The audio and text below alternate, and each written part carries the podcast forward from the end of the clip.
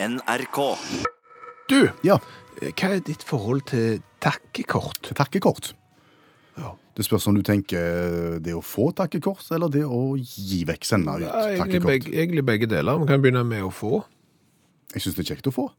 Kjekt å få, ja. Ja, har du gitt en presang til en eh, konfirmant eller til et brudepar, så er det jo kjekt å få en, få en bekreftelse på at de har satt pris på det, og en liten hilsen tilbake. Mm, Ok. Eh, Sparer du på dem? Ja, jeg gjør faktisk det. Ok. Vi har ei, ei, store eske hvor alle takkekortene havner. De er jo gjerne, gjerne på veggen først, på et kjøleskap eller et eller annet, og så havner de i den store eska etter hvert. Ja. Og det er ganske kjekt, for da har du jo enormt mange der, og da kan du gå tilbake i tid og finne takkekort som er 10 og 15 år gamle. Jeg har funnet takkekort fra deg som er 10 og 15 år gamle, for eksempel. Og jeg skal fortelle deg det at du har blitt eldre. Har jeg? Ja. Så jeg holder meg ikke så godt. Ikke spesielt, men det, det, det Ja, men jeg, når, når det gjelder takkekort, og jeg tror du er litt i en særstilling her. Jeg sier ikke at du er helt alene om det, men jeg tror at de aller fleste gjør sånn som du gjør eh, når takkekortet kommer. Da syns de det er kjekt, så henger de det f.eks. opp på kjøleskapet. Så henger det der en stund, så havner det i ei skuffe. Eh, Så rydder de den skuffa, og da havner det ut av den skuffa og havner en plass der ingen finner det igjen noensinne. De hiver det rett og slett. Eh, Og det er jo litt trist, for det er jo å hive penger ut av vinduet for de som, som sender takkekort. Går det ikke an å tenke litt annerledes? Må det være takkekort? Kan det ikke være takke noe annet eh, som gjør at du har mer lyst å både gi det vekk, og ikke minst beholde det når du har fått det? Hva skulle det vært hvis det ikke var takke kort? For eksempel takke-T-skjorte. Ok, så hvis jeg har gitt deg eh, presang til bryllupet, så skal jeg få tilbake ei T-skjorte med bilde av deg og fruen på magen, og så skal det stå tusen takk for oppmerksomheten i anledning bryllupsdagen vår. Ja, og den T-skjorta tror Den har jeg ikke spesielt Jo, lyst til å den gå tror jeg i. faktisk du ville hatt, fordi at når jeg tok brudebilde, så var det så dårlig vær at vi fikk ikke tatt brudebilde ute på den skogsveien som vi egentlig skulle ta. Så vi tok det i rundkjøring over Kongeparken, i, i der som russen var nå i helga, i, i, i Rogaland, i det ene øyeblikket det var opplett. Så det ser ganske dumt ut. Ok. Så det kunne du faktisk ville hatt på T-skjorta. Men greien er at det er så mange muligheter, det er så mange produkter som du kan prege sjøl nå. Altså, verden har gått videre. Det er ikke bare kort som du kan designe sjøl. Du kan designe T-skjorte, eksempel. Takke-T-skjorte. Du kan sågar lage deg en takkegrillvott. Ja, ok. En, Ja, en, en grillvott med takk på? ja, men det hadde du huskt. Hver gang du skulle ta ut noe, en varm pizza av stekeovnen, så tok du fram takkegrillvotten som du hadde fått etter konfirmasjonen til sønnen din, eksempel. Da hadde jeg husket det. Ja. Eh, Takkecaps, takkesokk, takkehoodie. Hva er det? Hoodie det er sånn en hals som du trekker på. Og det alle firmaer lager jo sånne hoodier med sitt, sitt navn på. Hæ? En takke sånn en. Kjempefint. Takkekopp. Ja, Ja, takkerefleksvest, takkehåndkle, takkematboks, takkedrikkeflaske. Og så tenker du kanskje blir jo veldig dyrt. ja, det blir veldig dyrt dette, tenker jeg. Ja, takkekort er ikke gratis, de heller. Nei. Og porto er ganske dyrt. Men, men hvis du syns at takkerefleksvest eller takkehåndkle eksempel blir litt dyrt, takkepenn. Da blir det litt liten skrift, tenker jeg. Jo, jo, men hver gang du drar fram kulepenn, og det står takk og gjerne hilsen et eller annet sånt, så husker du på den der konfirmasjonen. Og en takkepenn koster ikke mange kronene. Nei. Og hvis du bare kjøper, du må gjerne kjøpe 300 da. Det er litt, Det er akkurat det. ja. Takkenotatblokk. Okay. Her er min favoritt, eh, som jeg har kommet på helt selv. Eh, takkenett. Takkenett. Ja, som handlenett. Ja.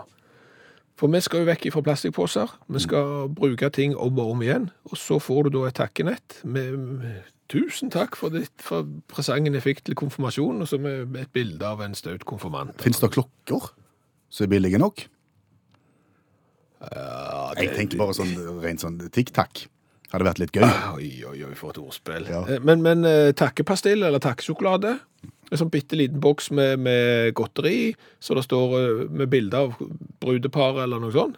Søtt at dere tenkte på oss til, til bryllupet. Det er ikke dumt, dette her. Nei, det er ikke det. Nei, jeg hører det. jeg hører det. Og jeg har, jeg- kan jeg få komme med en utfyllende idé som jeg kom på nå? Ja. Med, med tanke på porto og sånt. Ja. Altså Storparten, f.eks. i forbindelse med et bryllup, Mm. av takkekortene skal jo, eller tak takketingene skal jo ut til gjester av bryllupet. Mm. Så tenk om du har salt opp dette på forhånd, du har lagd det klart.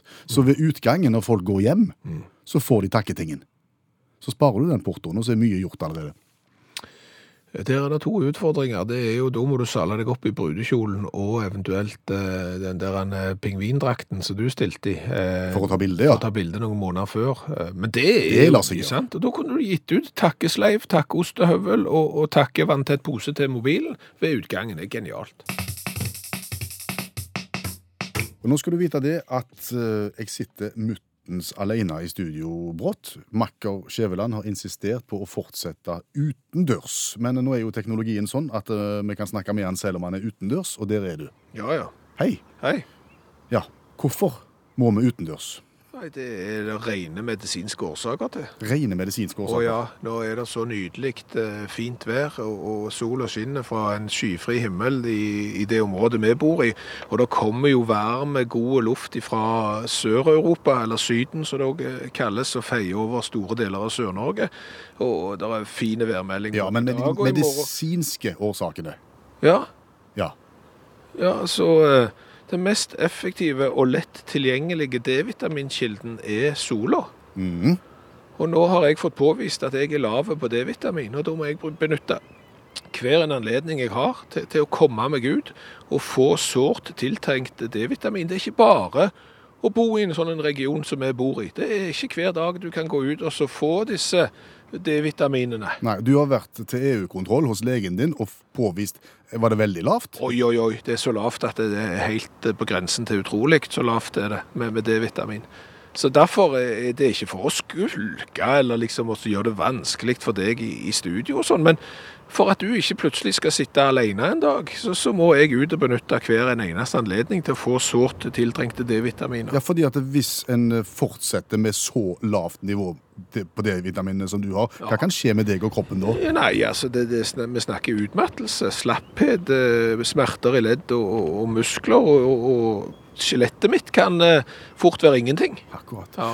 Er det store mørketall, tror du, med tanke på mennesker som har så lavt D-vitaminnivå som deg? Ja, det, det, det er derfor jeg tenker at det kunne være viktig nå i, i utakt at jeg gikk ut i sola. For det noen må jo tørre å snakke om det som er vanskelig. Ja. Ja, og, og der er jo veldig mange som har eh, lavt D-vitamininnhold. Og, og du hører aldri om de i media. Nei. Det er grupper gruppe som blir satt til side, og som ikke blir fokusert på overhodet. Eh, og det er litt trist. Det er andre sykdomsgrupper som får all oppmerksomhet, mens oss eh, med D-vitaminmangel, vi blir bare forbigått i aller største stillhet, og det er litt tri trist. Tenk deg alle de bekymra pårørende der, som sitter hjemme og vet at de har en, en datter, en sønn eller en ektemann som har veldig lavt D-vitamininnhold. Så det du gjør nå, du tar en for lageret, på en måte? Ja, jeg tar, jeg tar en, en for lageret, og tenker at hvis dette nå kan hjelpe, at det er noen som gjerne vil begynne med støttegrupper for de som har, eh, som, som har mangel på D-vitamin, som eventuelt vil arrangere matkurs, eh, der du fokuserer på, på matholdige retter som inneholder mye D-vitamin, f.eks. feite fisk, som gjerne, og, som gjerne vil eh, presse Da på ser jeg Ja, at men- vår tid er ute. Nei, men hør nå, hør nå. Dette er viktig. Og som gjerne kan presse på myndighetene, sånn at vi som er lave på D-vitamin, kanskje kan reise til Syden på statens regning på blå resept et par ganger i året der, f.eks. for eksempel. Sånne viktige ting som det må, må noen ta opp, og dette her er kanskje startskuddet. Kan du komme inn nå? Ja, vente litt til. Sola er veldig god og varm nå. Og hvis vi kan hjelpe én utakt lytter til å framstå smartere i selskapslivet, så føler vi at det har vært en god dag. Én. Det holder, det. Det holder med én. En eller ei. Det holder i massevis. Og, og, og det vi snakker om, det er jo ikke bli rett og slett forbiseilt eh, når noen snakker om klassisk litteratur. Nei, for det er veldig fort gjort, for det er så mange bøker der ute som du skulle ha lest, som du ikke har fått lest av ulike årsaker. Og så begynner folk å snakke om boka, og så har du ikke peiling. Nei. Og det har vi løst på en fiffig måte. Istedenfor å lese de sjøl, noe som tar kolossalt mye tid, Mm. så har vi fått ei som har lest de, til å fortelle hva de handler om. På fire-fem minutter. Så hvis du hører nøye etter nå, om noen få sekunder, tar til deg den informasjonen som kommer, så vil du raskt være i stand til å framstå mye smartere der ute. Janne Stigen Drangsholt er litteraturviter og forfatter, og det er hun som hjelper oss med et nytt verk i dag.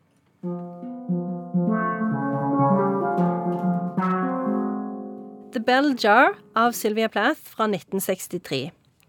Esther Greenwood reiser til New York for å ha sommerjobb i et damemagasin. Hun syns alle er dumme og fæle, inkludert seg sjøl, og prøver flere ganger å ta sitt eget liv. Blir innlagt på en institusjon. Ikke dette Catcher in the Rye, bare med kvinnelig hovedperson? Alle er dumme, jeg går med hua inne, havner på institusjon og får lyst til å ta livet av meg Det er derfor jeg elsker dette programmet. Så nå kan vi dra linjer. Ja. Og plutselig så kan vi snakke om flere bøker på én gang. Ja, for Hvis noen nå ble tatt litt på senga, så nevnte du da ei bok som vi har vært innom for noen uker siden, som heter Catcher in the Rye. Ja. Nemlig. Men, men hva er det med bell jar? Hva, hva betyr bell jar? Det betyr glassklokka.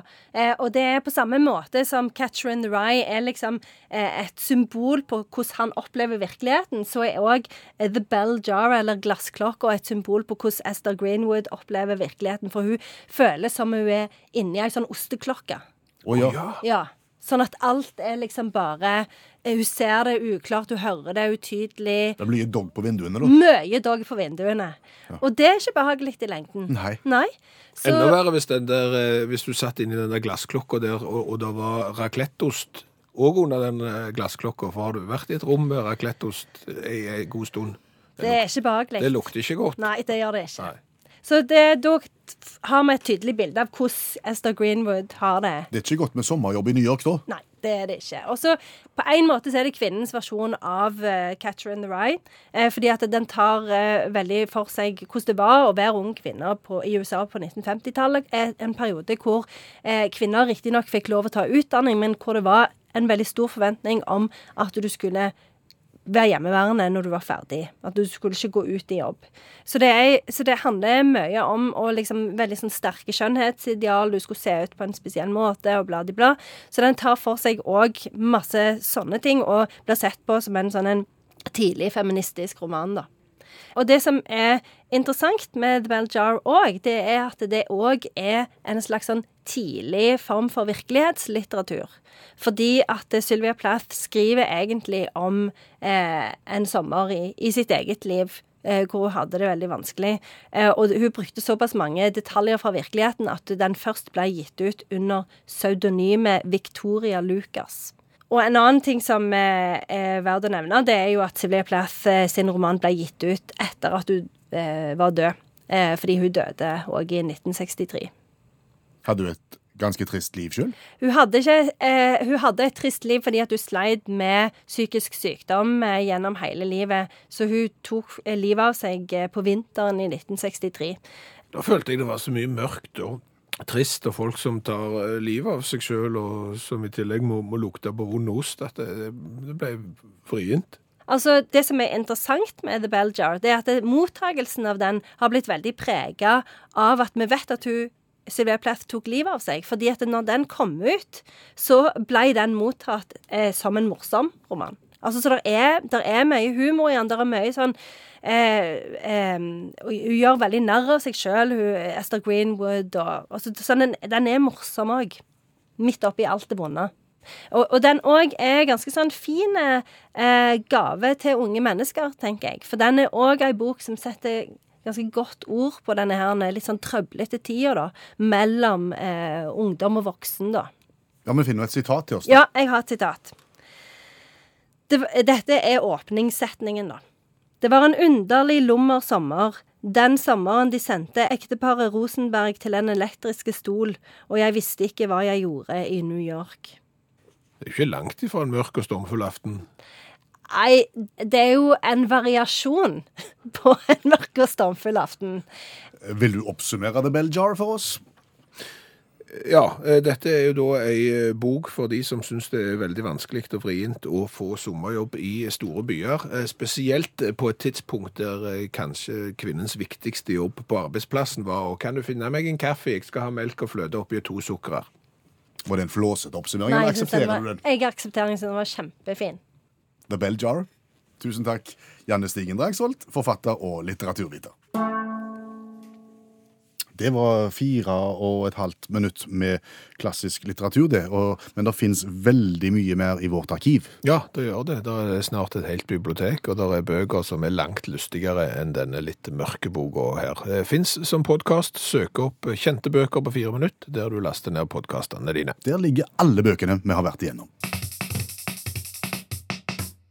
Dagens revyvise. Vi kommenterer noe fra nyhetsbildet ved hjelp av en 27 sekund lang sang.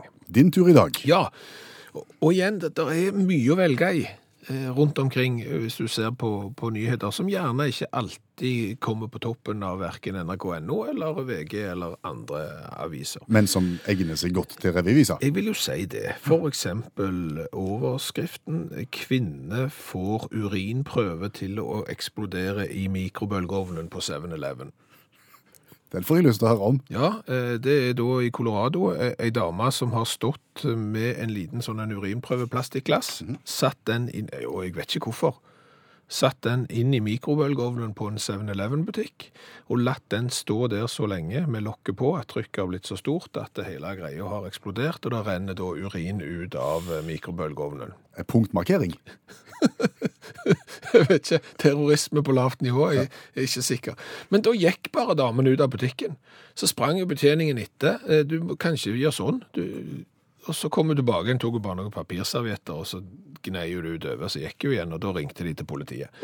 Så da kom eh, politiet og fikk tak i eh, 26 år gamle Angelique, eh, som eh, og da hadde gjort det. Og hvorfor hadde hun gjort det? Nei, hun skulle på et jobbintervju som krevde en medisinsk test. Og Det er gjerne sånn, da tar du med urinprøve for å sjekke om den er fri for stoff. For du har ikke lyst til å ansette en som går på stoff. eh, Og så kan det godt hende at dette ikke var hennes egen urin, og urinen skal da være kroppstempererte når du leverer den, så det er det som er teorien bak, eh, bak dette her urinprøveeksplosjonsstuntet til Angelique. Men det ble ikke revyvise av den historien. Nei, eh, det gjorde ikke det, selv om potensialet var stort. Vi må til Bergenstraktene. Oh. Ja, fordi at det, politiet har i helga som var nå, fått flere meldinger om skada storfugl i Hordnesskogen i Fana. ok. Ifølge Bergens Tidende. Ja, og, og, og viltnemnda har vært eh, på tur for oss å sjekke om, om det kunne stemme at det var skada fugl der, og det var det ikke. Altså, Fuglen det er snakk om er ei røy. Det er da tiurens make. Altså en kvinnelig tiur. Og den er ikke skada. Den bare går litt rart. Ja, fordi at han er paringsklar. Og når den røya er paringsklar, da får han en litt slepende gange. Og dette har politiet sjekket opp. De har vært inne på YouTube og sett videoer av paringsklare røy, og de kan se at de har den samme slepende gangen som, som denne tiuren har. Kan du tenke deg hvis du hadde overført det til, til mennesket? Du går der og halter liksom seint på fredagskvelden etter at du har vært på pub og sånt. Det sånn. er mange som har et rart ganglag på kvelden, på kvelden da. Ja, det, det er jo det, men har du slått deg? Har du ødelagt hofta di, eller noe sånt? Nei, jeg er bare så innmari kåt, for, å si- for å si det på det. Det hadde jo virka litt rart.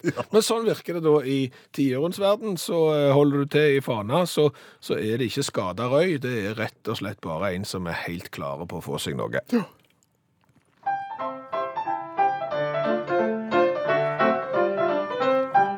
Er du tiurens make med uvanlig gangelag, er det saktens ikke sikkert du er skadet.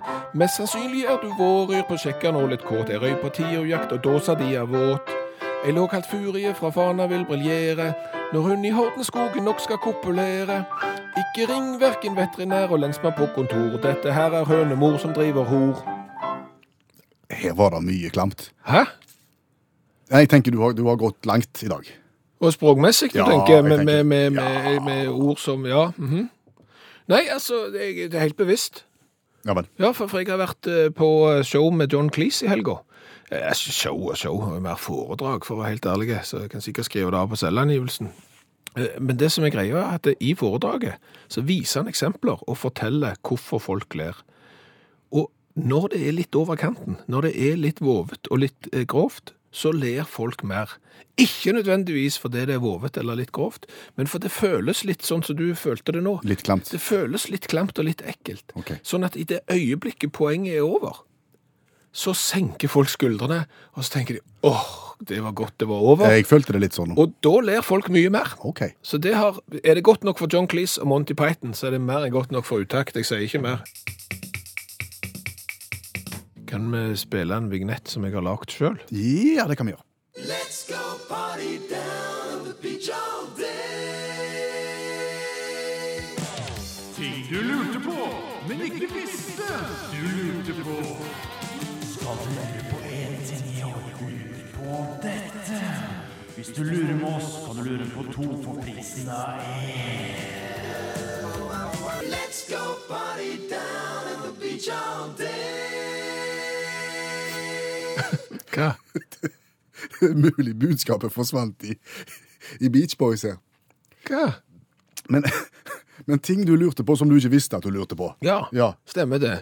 For det er mange ting eh, der ute som du eh, egentlig lurer på, men du har ingen anelse at du eh, lurer på det i det hele tatt. Okay. Og Det er jo litt av poenget med vignetten, å få understreket det. skjønte. Jeg ser at det tok litt lang tid kanskje før jeg kom til poenget. Men nå er vi i mål. Ja. Så nå skal vi Bare, bare hør på denne.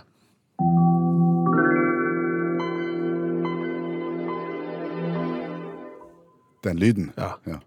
Og du, du har hørt den før? Det er lyden av en uh, PC som starter opp. Ja, det er Windows 95. Det er startlyden fra Windows 95, og mange, mange, mange mange har hatt en PC på 90-tallet og hørt den lyden dag ut og, og dag inn. Men har du lurt på hvem som har komponert den? Ikke før nå. Nei? Nei. Du kjente det litt nå? Ja. Hør på den igjen.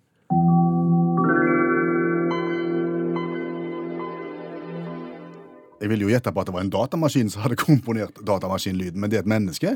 Det er et menneske, øh, og det er ikke hvilket menneske som helst. Kanskje tenker du liksom, er det noen som komponerer seks sekunder lange snutter sånn som det der? Ja, det er faktisk det, og, og som sagt, en ikke hvem som helst. Det er rett og slett Brian Eno. Brian Eno. Ja. Han har vært med på mye. Han har vært med på mye. Han var jo blant annet med i Roxy Music, det bandet har du hørt, og så har han vært med på en hel haug med andre musikalske ting. Han er en av verdens mest kjente produsenter, og han hadde 84 utkast til denne lyden, denne Windows-lyden. Og så datt han ned på den som han datt ned, og så fikk han 35 000 dollar for jobben. Seks sekunder sang, 35 000 dollar. Du, I går i dette radioprogrammet så snakket vi om snodige språk. Ja, vi var innom, for vi havna jo hos de som ikke har lov til å kalle det som de egentlig heter, fordi det er ikke fint å kalle de for det de heter. Men det du skal kalle de for, det er koi-koi-folket. Ja, Som bor i Afrika. som bor i det sørlige Afrika. Og da spilte vi av språket til koikoiene.